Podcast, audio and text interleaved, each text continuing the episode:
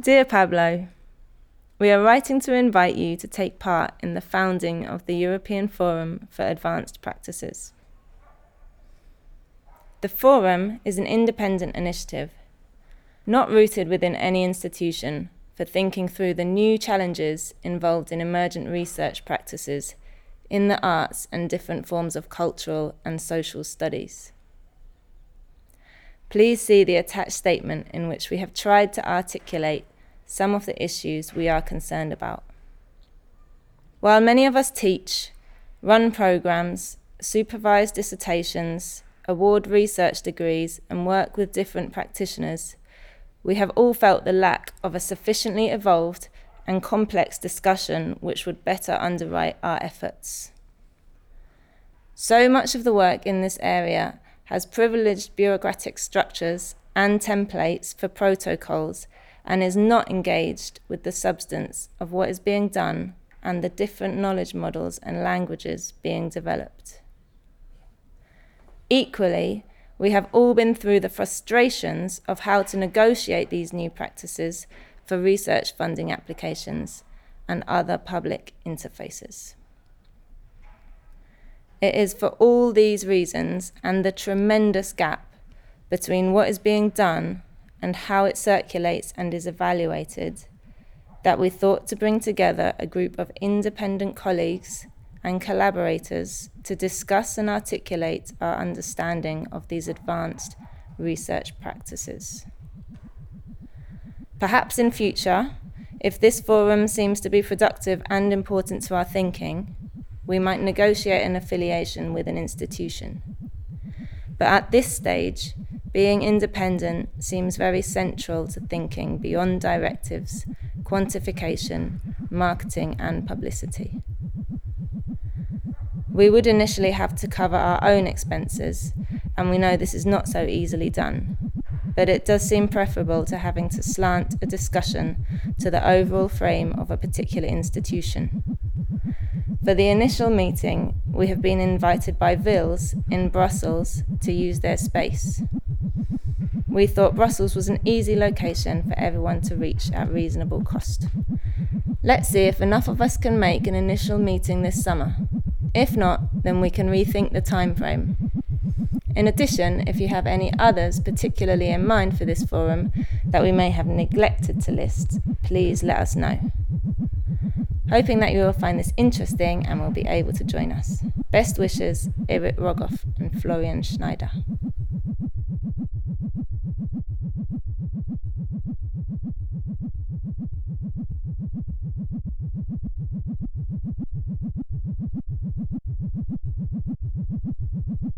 Irit Rogoff is a writer, educator, researcher, and curator.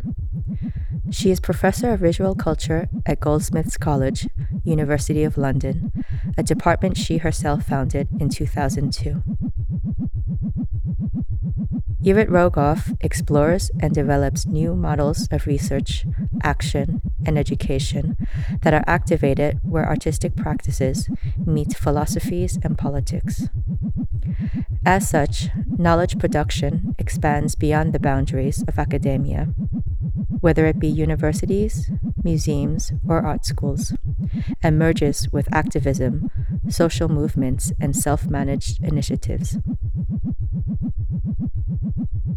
Irit Rogoff has organized and participated in many projects for collective thought and action, such as Summit, Non Aligned Initiatives in Education Culture in 2007, and the more recent European Forum for Advanced Practices in 2017.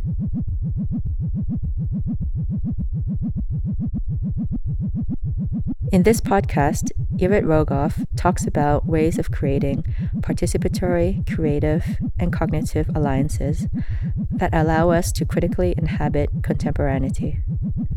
She also calls for the need to devise processes of unlearning inside and outside the academy that will pave the way to new and unexpected kinds of knowledge. Rogoff defends the importance of long term research process that are made possible by universities, in contrast to the neoliberal maelstrom of immediate impact and results.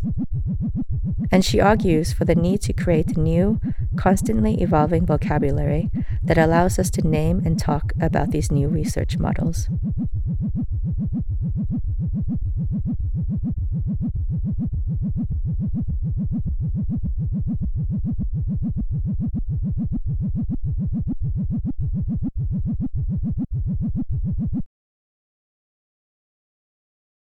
If one is going to map out a kind of extensive praxis, you have to address the difficulties and the things that you are compelled to invent. But then you also have to address the things that thrill you and make you happy.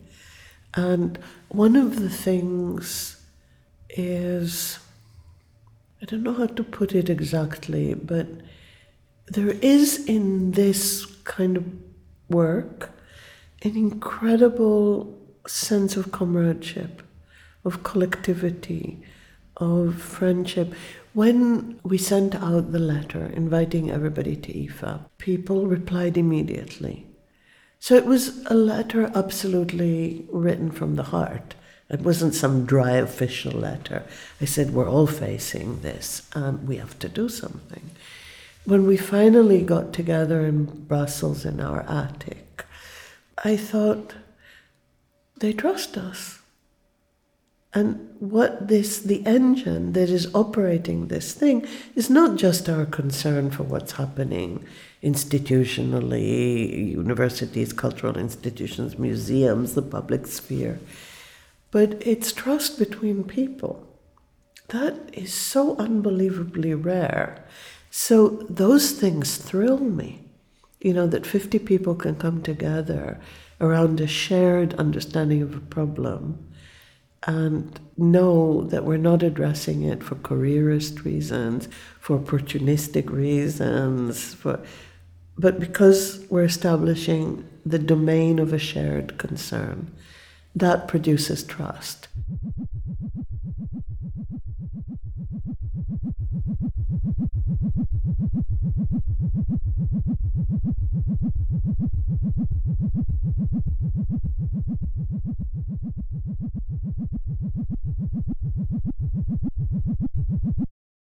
I've spent um, several decades trying to set up structures, programs, projects that allow for the coming together of three dimensions the political, the philosophical, and creative practices.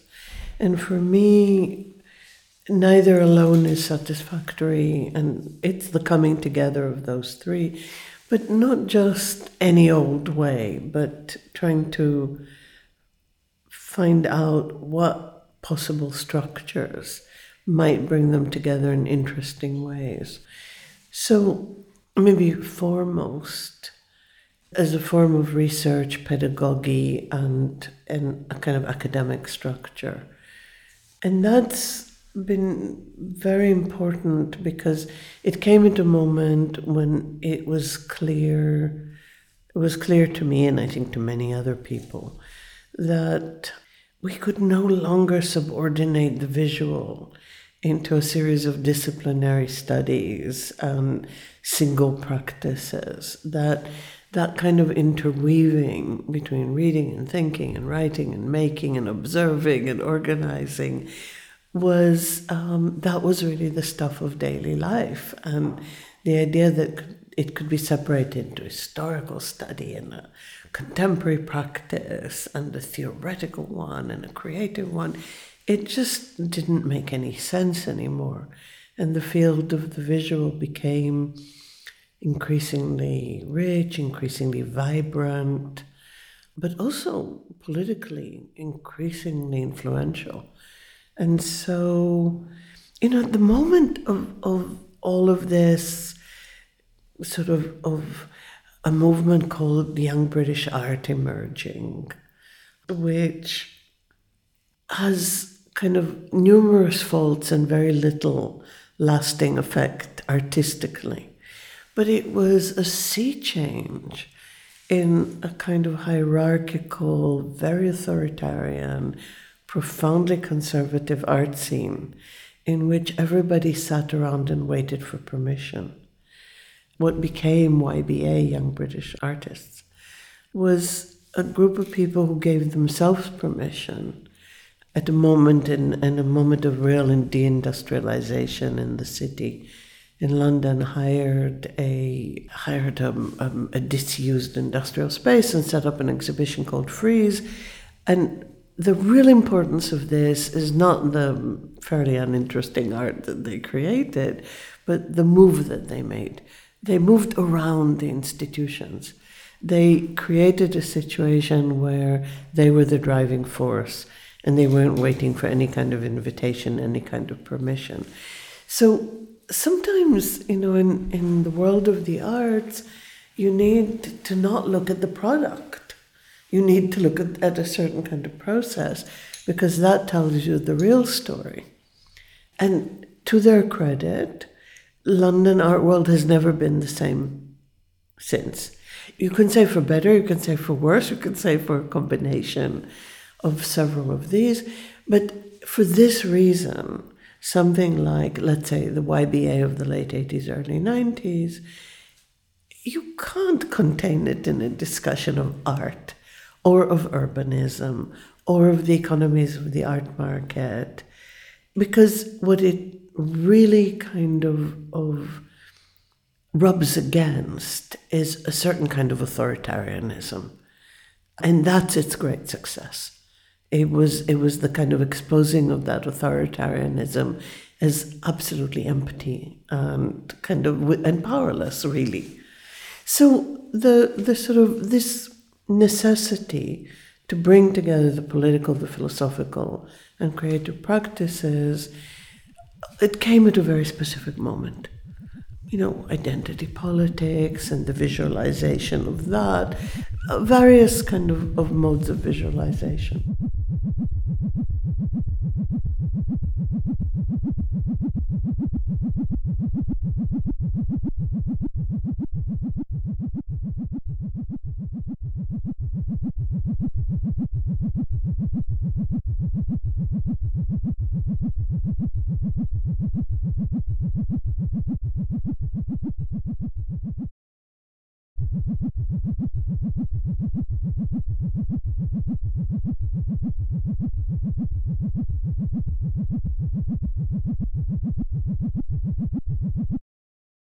It began with setting up a field and a department and thinking not what do you need to know in order to be a properly educated young person, you know, whose education equals a university degree. But what do you need to know as a young person who wants to engage very energetically with the problems around us. What kind of knowledges can we bring together? And it's always the bringing together, not the isolating. So, academic knowledge is always in a process of self isolation. And our efforts have always been to try and understand what kind of dance partners a certain knowledge you know will gravitate towards and what kind of dancing they'll do together these collaborating knowledges, but also what what is the world offering young people? What are they um, going to use their knowledge for? How can they invent new platforms for themselves? So that's very much a particular moment.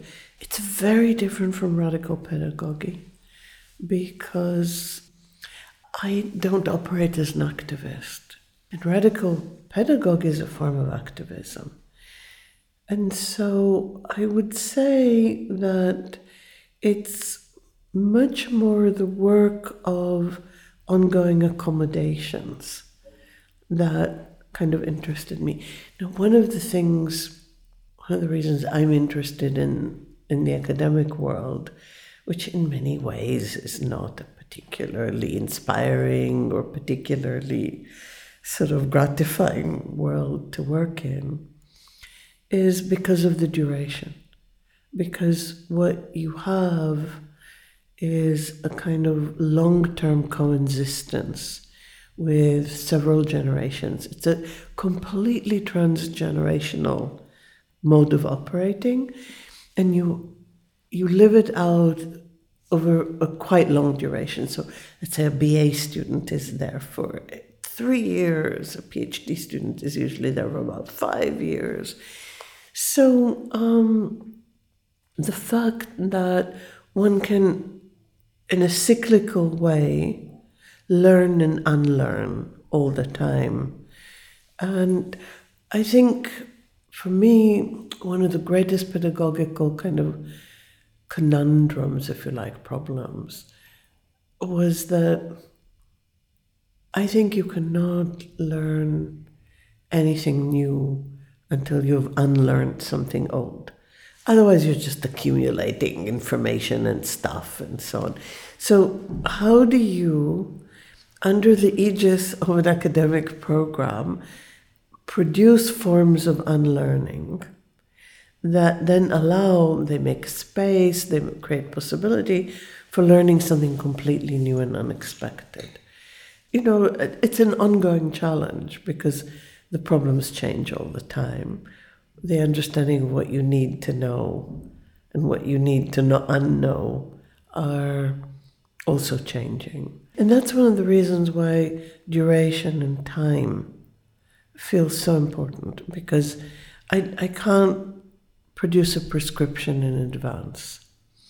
And also for us who are teaching, you know, the, it's not like we come to class and we have a you know ready-made set of solutions.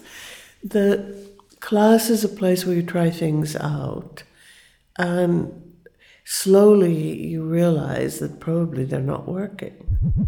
I was have been for the last few years teaching a, a short course for the MA program on globalization. I'm interested in questions of territoriality and geopolitics and kind of global economies. And at the end of this year, I realized that um, it's just ridiculous. That to teach a course on globalization, first of all, is to assume that there is one unified thing called globalization that I know what it is, um, that I can somehow in six weeks transmit it to a group of students. So I thought, no, I'm not. I'm not going to do this anymore because this is. It's not only does it not work, but it quite dangerously sets up a term called globalization, and then everybody can operate as if it really is that term self explanatory. On the other hand, the questions continue to interest me a lot.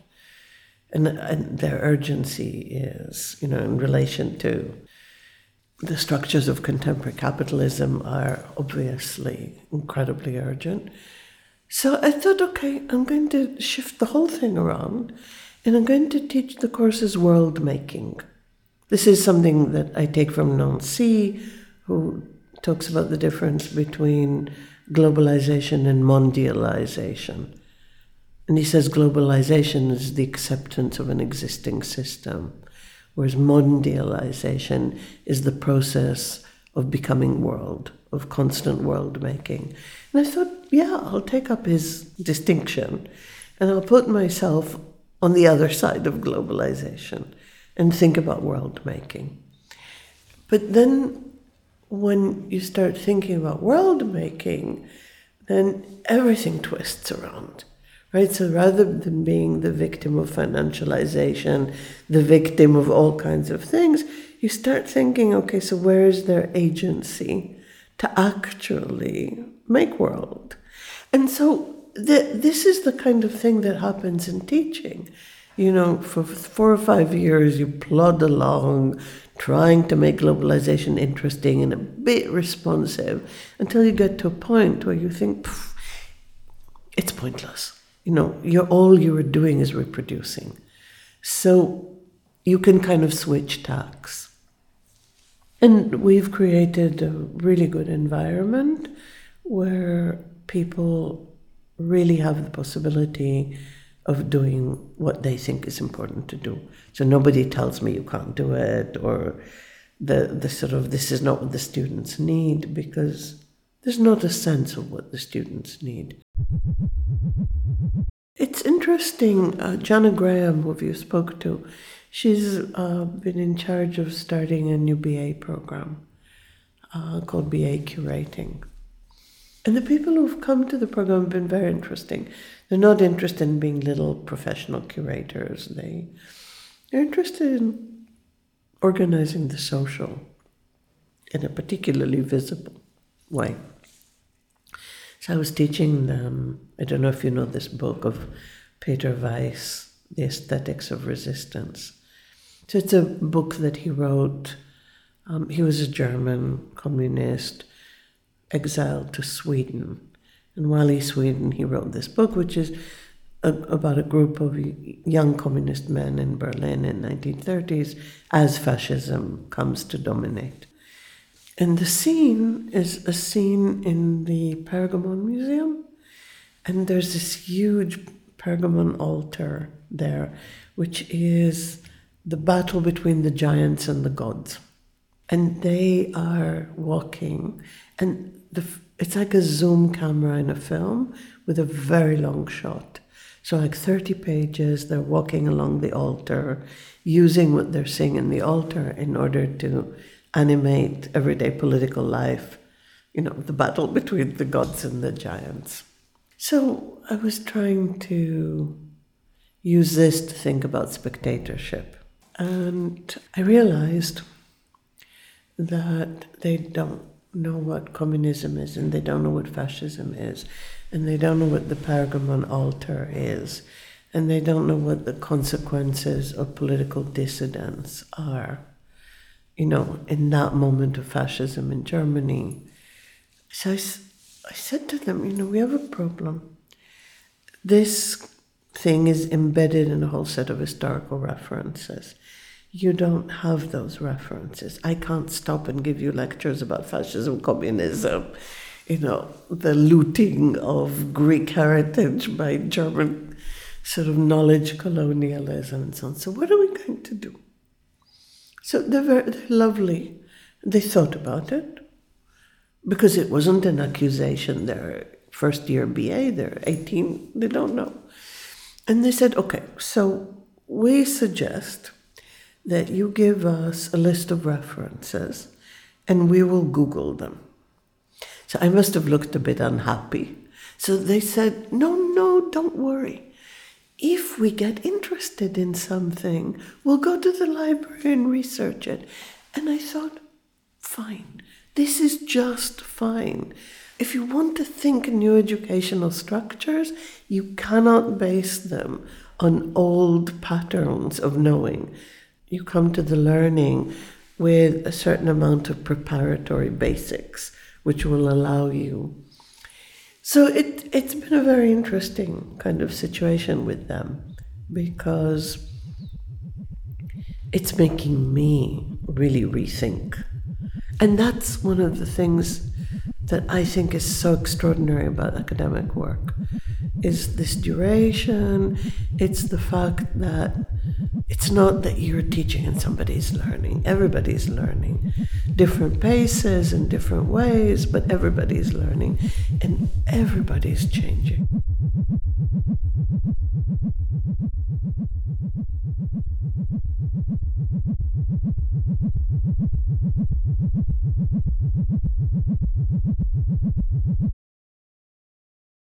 I think it's terribly difficult, and I myself have moments of kind of sadness about um, how ephemeral everything that I do is, and how absolutely unspectacular.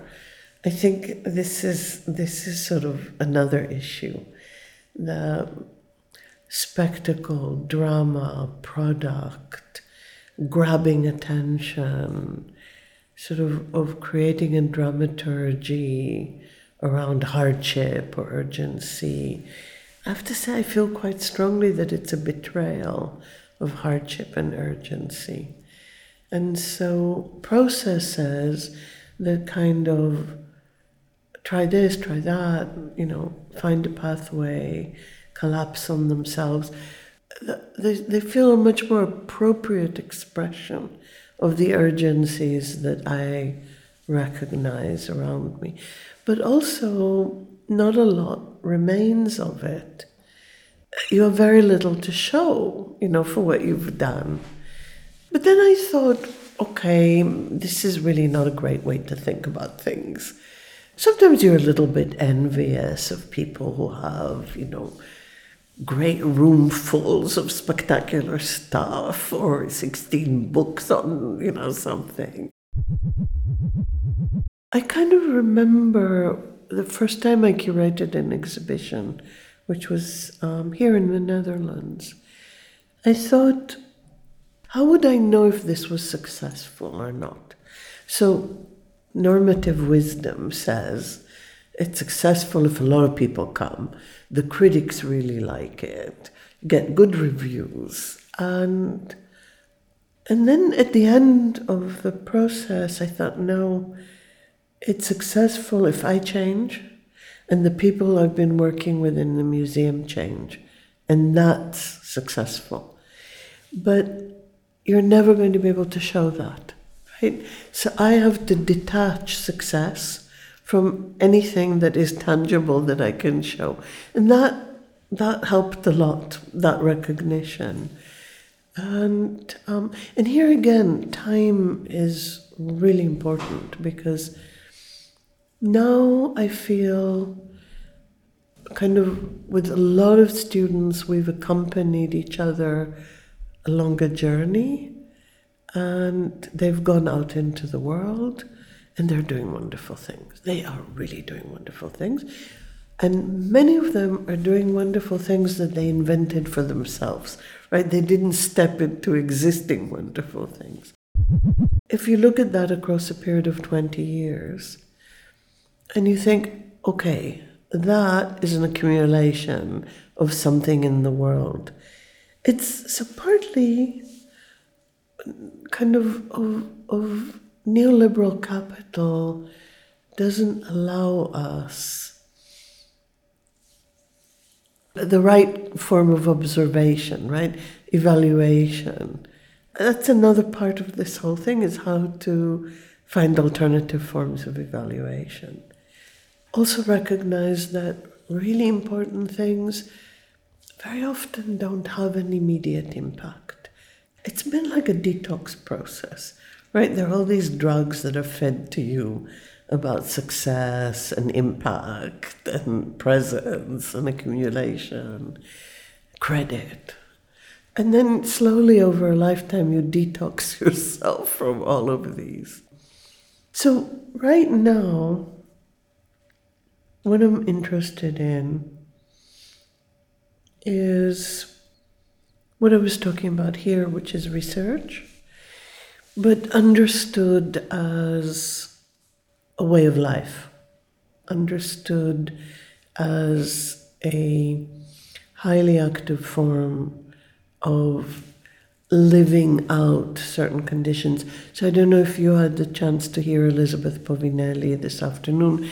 When I listened to her, I think actually this is what I understand to be research. But everybody thinks research is somebody in a laboratory with a white coat and a test tube. Or somebody in an archive looking at volumes from the 18th century. But she had this beautiful expression. She said, you set up everything in order to see if you can make reality bite. I think that's a really beautiful way of saying it.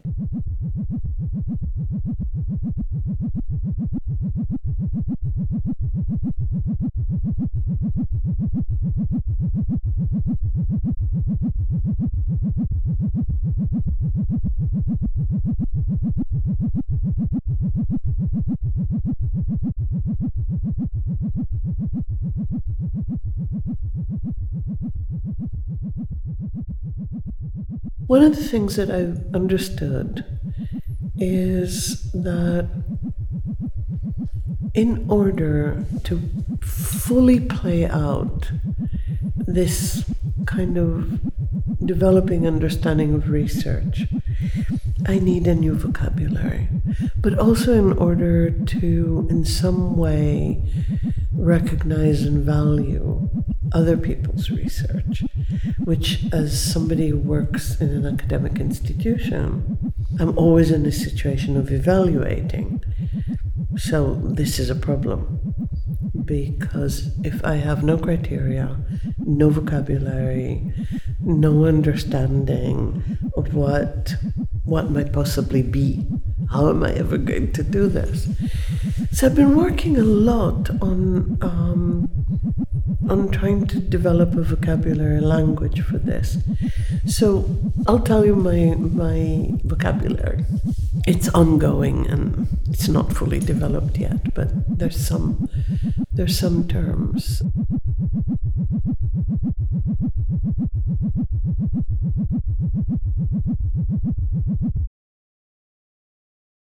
The first and most important is working from conditions. So, conditions, I think, is incredibly central to what I'm trying to think. Like, if you look at the horrific political crises around the globe right now, that are almost like a, a reincarnation of a moment in the 1930s in Europe with this, you know, kind of right wing populism and ferocious kind of, of reemergent nationalism. I don't want to call Trump or Brexit or Orban's government or Netanyahu's government or I, I don't want to call any of these events. I want to think of them as conditions because the the event assumes that it could also pass. You know, it could it could change and so on. I think the conditions of what this leaves behind for us, they're terrifying, but they're what we have to live with, and for a long time. The, even if the regime changes in the United States or in Britain or anywhere else, the conditions are there. We have had to accommodate ourselves to them. The, you can't just sort of say, oh, he's an idiot. He's an uneducated, vulgar, destructive, undemocratic idiot. That doesn't do anything. So, all this terminology that, let's say, Trumpism has brought to the fore, it becomes the conditions of our lives and we work from them. We don't work about them, we work from those.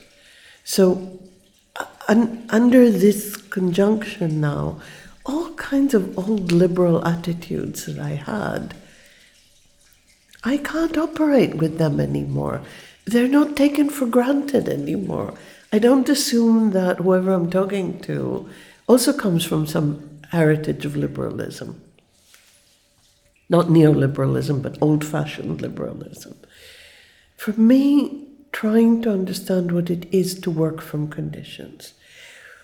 If you're thinking about precarity, you have to find a methodology that embodies precarity. You know, if if you're thinking about security, if you're thinking about financialization, you can't stand outside of it and describe it. You have to find a methodology that kind of goes in and emulates all of its temporalities, uncertainties, anxieties, and that this is essential. And that that old, old model that you're in a discipline, you've selected a subject, you will come along and you'll, you know, add one little new thing at the end of the subject I, I can't see that being operational any longer, except in old bastions of old knowledge.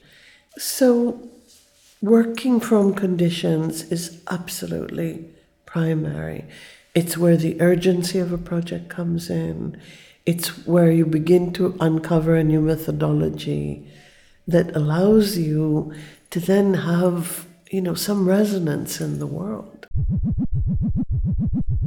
Starting in the middle is a really important term for me, especially as a teacher, not just in terms of my own work, but to emancipate students from a sense that they have to tell, reproduce the entire story of knowledge about something, and then come in with something of their own, or that they have to criticize the entire model of how you know something. Starting from the middle is, is really important to me. Most people don't understand what I'm talking about when I say we start in the middle. Um, but I think I understood it from um, looking and reading about NGOs. There's a really great project of Michel Feher's on non governmental politics, and I think that alerted me to the fact that this isn't just doing good things and engaging in extreme situations and advocating and aiding, but this is a real paradigm shift in knowledge. So they always start in the middle. They are not interested in who created the situation, and they're not interested in finding a solution for the situation. They occupy the middle and try and deal with the conditions and realities of the situation. And as a result, they know it differently. They don't tell a narrative of origins, and they don't tell a narrative of resolution. They tell a narrative of this accommodation. So I find that incredibly interesting. So that's another term, permission is a really big and important term for me. I'm not sure I fully understand it yet. I'm not sure I can fully define it, but I understand that nobody gives you permission. It's something you struggle for, mostly with yourself. So it's not a struggle against an institution or against a constituency or heritage. It's a struggle with yourself. Can I really do this? Can I make this step? Can I? I was born in Israel. It was a very new country. Everything was invented. And I think that that helps me a lot. The, um, I'm not a huge fan of Zionism and what it's done, but I think there were moments in that heritage where that notion of the right to invent something. And I think I grew up with that. An odd fearlessness, but it's very specific to my generation because the next generations became terribly fearful. They're frightened of Arabs, they're frightened of anti Semitism, they're frightened of all kinds of things that we didn't know to be frightened of because there was a kind of celebration of being new. So, so even if I am very critical and have written books about this and so on, nevertheless, I know I benefited from that kind of freedom to invent. And that you mustn't forget those things, you know. So I think permission is a process by which you say to yourself, something needs to be done. I don't yet have the tools to do it. I give myself permission to struggle to bring these two things together, and I will fail. You know, inevitably, I will fail again and again. But as you know, Beckett says, fail, fail more, fail better. So I think that's you know a very good lesson. So permission is is is sort of important, and it's difficult as a teacher because I know I cannot grant permission to students. I can make them recognize that they have to struggle for it, but I can't grant it to them.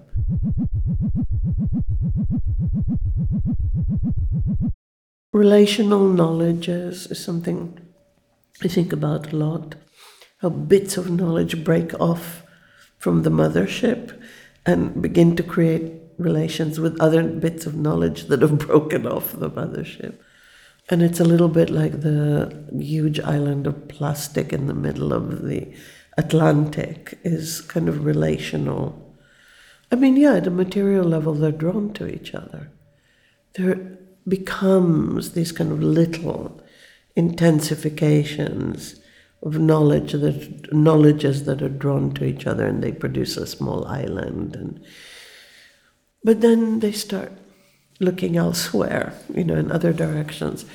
What do you replace the big bodies of inherited knowledge with? I think that's where paradigms come in. I replace the great heritages of knowledge with recognitions of different paradigms. So, this is the kind of vocabulary that I'm trying to develop for myself just to be able to do the work that I'm doing.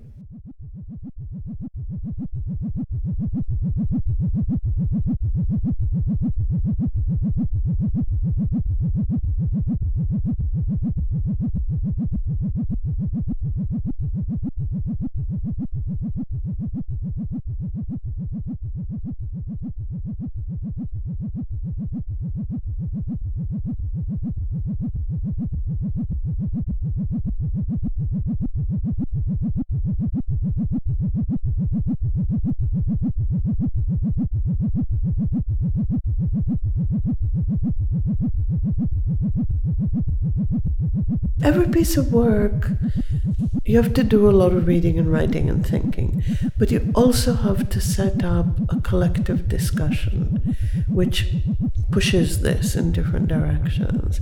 And you have to set up a series of possible modes of dissemination or making things public to investigate something is to multiply investigate it, right? To investigate it from this angle, from that angle, through this prism and that prism, to put it out there in this way and in that way, see how it interacts.